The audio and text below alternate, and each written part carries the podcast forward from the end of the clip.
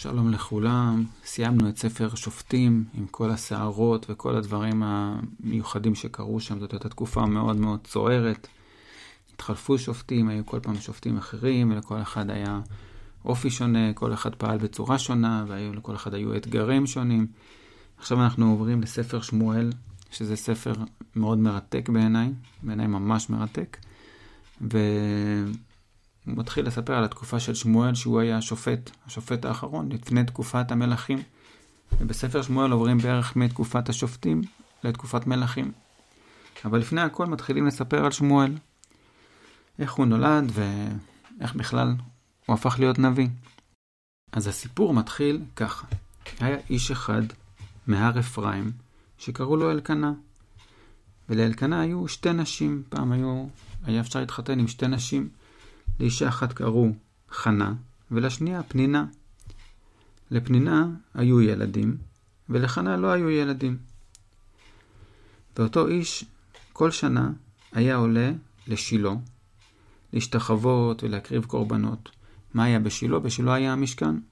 מאז שבני ישראל נכנסו לארץ ישראל, המשכן הלך איתם, וכל פעם היה במקום אחר, הוא היה בכמה מקומות שהוא עבר. זה עכשיו, בתקופה שאנחנו מספרים עליה, הוא היה בשילה. בשילה המשכן היה תקופה ארוכה, 369 שנה.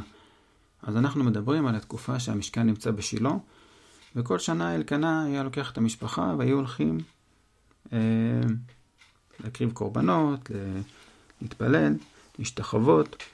ובמשכן, באותו זמן, היה כהן גדול. הכהן הגדול היה עלי, עלי הכהן. והיו לו שני בנים, חופני ופנחס, שהם גם היו כהנים. עד כאן הייתה הקדמה. עכשיו מספרים אלקנה הגיע באמת לשילה עם אה, שתי הנשים שלו והילדים של פנינה, שיש לה ילדים.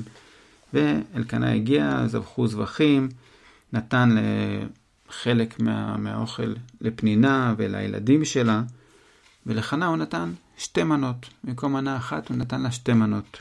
כי הוא רצה ככה לשמח אותה, הוא אהב אותה, ולא היו לה ילדים, אז אלקנה נתן לה מנה כפולה.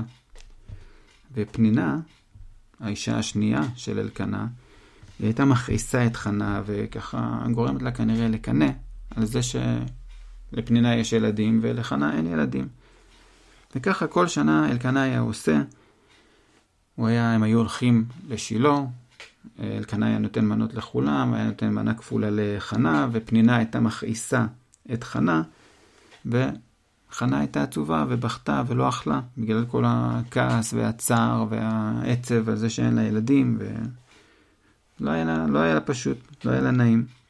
ואלקנה היה מנסה להרגיע אותה, הוא אומר לה, חנה, למה את בוכה? למה את לא אוכלת? למה רע לך? אני טוב לך מעשרה בנים, אני איתך. למה, למה את בוכה? אז באותה שנה שאנחנו מספרים עליה, חנה, אחרי שהיא אכלה ושתתה, היא באה למשכן בשילה. ואלי הכהן, הכהן הגדול, היה יושב על הכיסא שם ליד הפתח. וחנה הייתה ממש עצובה, ממש כאב לה על זה שאין לה ילדים, והיא הייתה ממש בוכה ובוכה, ונדרה נדר, ואמרה לה, השם, אם אתה תראה את הצער שלי, ותזכור אותי, ולא תשכח אותי, ותיתן לי ילדים, אז הילד הראשון יהיה תמיד פה במשכן. אני אתן אותו לפה, הוא יהיה כמו מושאל למשכן, תמיד יהיה פה, ישרת פה, יעזור פה, יהיה כל הזמן במשכן.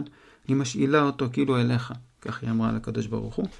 וגם אומרת, הוא גם לא יסתפר אף פעם, זאת אומרת, הוא יהיה נזיר. ככה היא התפללה והתפללה והתפללה, ועלי, הכהן הגדול, מסתכל עליה. וחנה התפללה בדרך שאנשים לא היו רגילים. היום אנחנו רגילים שאנשים מתפללים בלחש, או אם מישהו ממלמל, אנחנו יודעים, הוא יתפלל בלחש. חנה התפללה בלחש, וכנראה שאז לא היה מקובל להתפלל בלחש, ולא היו עושים את זה. אז אלי ראה אותה ממלמלת, והוא לא הבין מה היא עושה.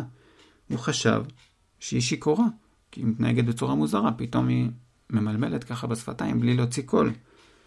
אז הוא אמר לה, אלי פנה אל חנה ואמר לה, למה את שיכורה? תפסיקי, תוציאי את היין ממך, תלכי לישון, תעשי משהו שלא תהיי שיכורה. חנה אמרה לו, תראה, אני לא שיכורה בכלל, אני רק מאוד עצובה. ואני פשוט התפללתי להשם בשקט, פשוט התפללתי. אל תהפוך אותי לשיכורה אחת כזאת שזה לא. אני פשוט מרוב כעס ומרוב עצב אני עשיתי ככה. אלי הבין את זה. אמר לה, אין בעיה, תלכי לשלום והוא התפלל שאלוקים ייתן לה את מה שהיא ביקשה. שייתן לה את מה שהיא ביקשה. היא ביקשה ילד, שייתן לה את מה שהיא ביקשה. אז חנה ממש שמחה, והלכה חזרה, חזרה למשפחה שלה, ואכלה, וכבר לא הייתה עצובה. ולמחרת בבוקר, אחרי שסיימו את, ה, את מה שהם עשו במשכן, ואת כל הסעודה, ואת הכל, השתחוו והכל, חזרו חזרה לבית שלהם. ובאמת, אחרי זמן מה, השם באמת זכר את חנה, ואחרי שנה נולד לחנה בן, והיא קראה לו שמואל, בגלל שהיא שאלה אותו מהשם, הרי היא אמרה, אני אשאיר, הוא יהיה שאול פה במשכן, אז קרא לו שמואל.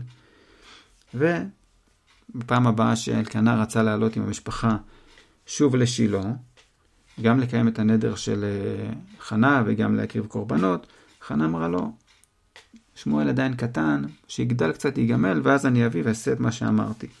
אלקנה אמר, אין בעיה, אל תיקחי אותו עכשיו, אבל אל תשכחי לקיים את הנדר. וזה מה שקרה.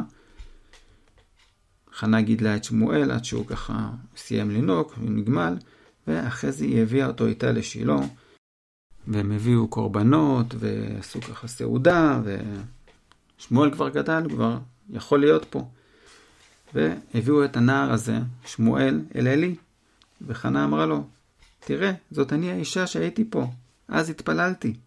אני בדיוק התפללתי אל הנער הזה, אל הנער הזה התפללתי, והשם נתן לי את מה ששאלתי ממנו. ואני גם משאילה אותו להשם כמו שאמרתי. הוא, הוא יישאר פה עכשיו, יהיה פה במשכן, יעזור, ישרת, יעשה מה שצריך. וזה מה שקרה, ככה בעצם נולד שמואל. לאחר מכן חנה התפללה איזושהי תפילה, תפילת תודה להשם על, אה, על הרבה דברים. תפילה מאוד מאוד מפורסמת, תפילה שאומרים אותה בכל בוקר אה, כשמתפללים. וזהו, זה סוף הסיפור על איך שנולד שמואל. אתם מוזמנים להאזין להמשך הסיפורים המאוד מעניינים של שמואל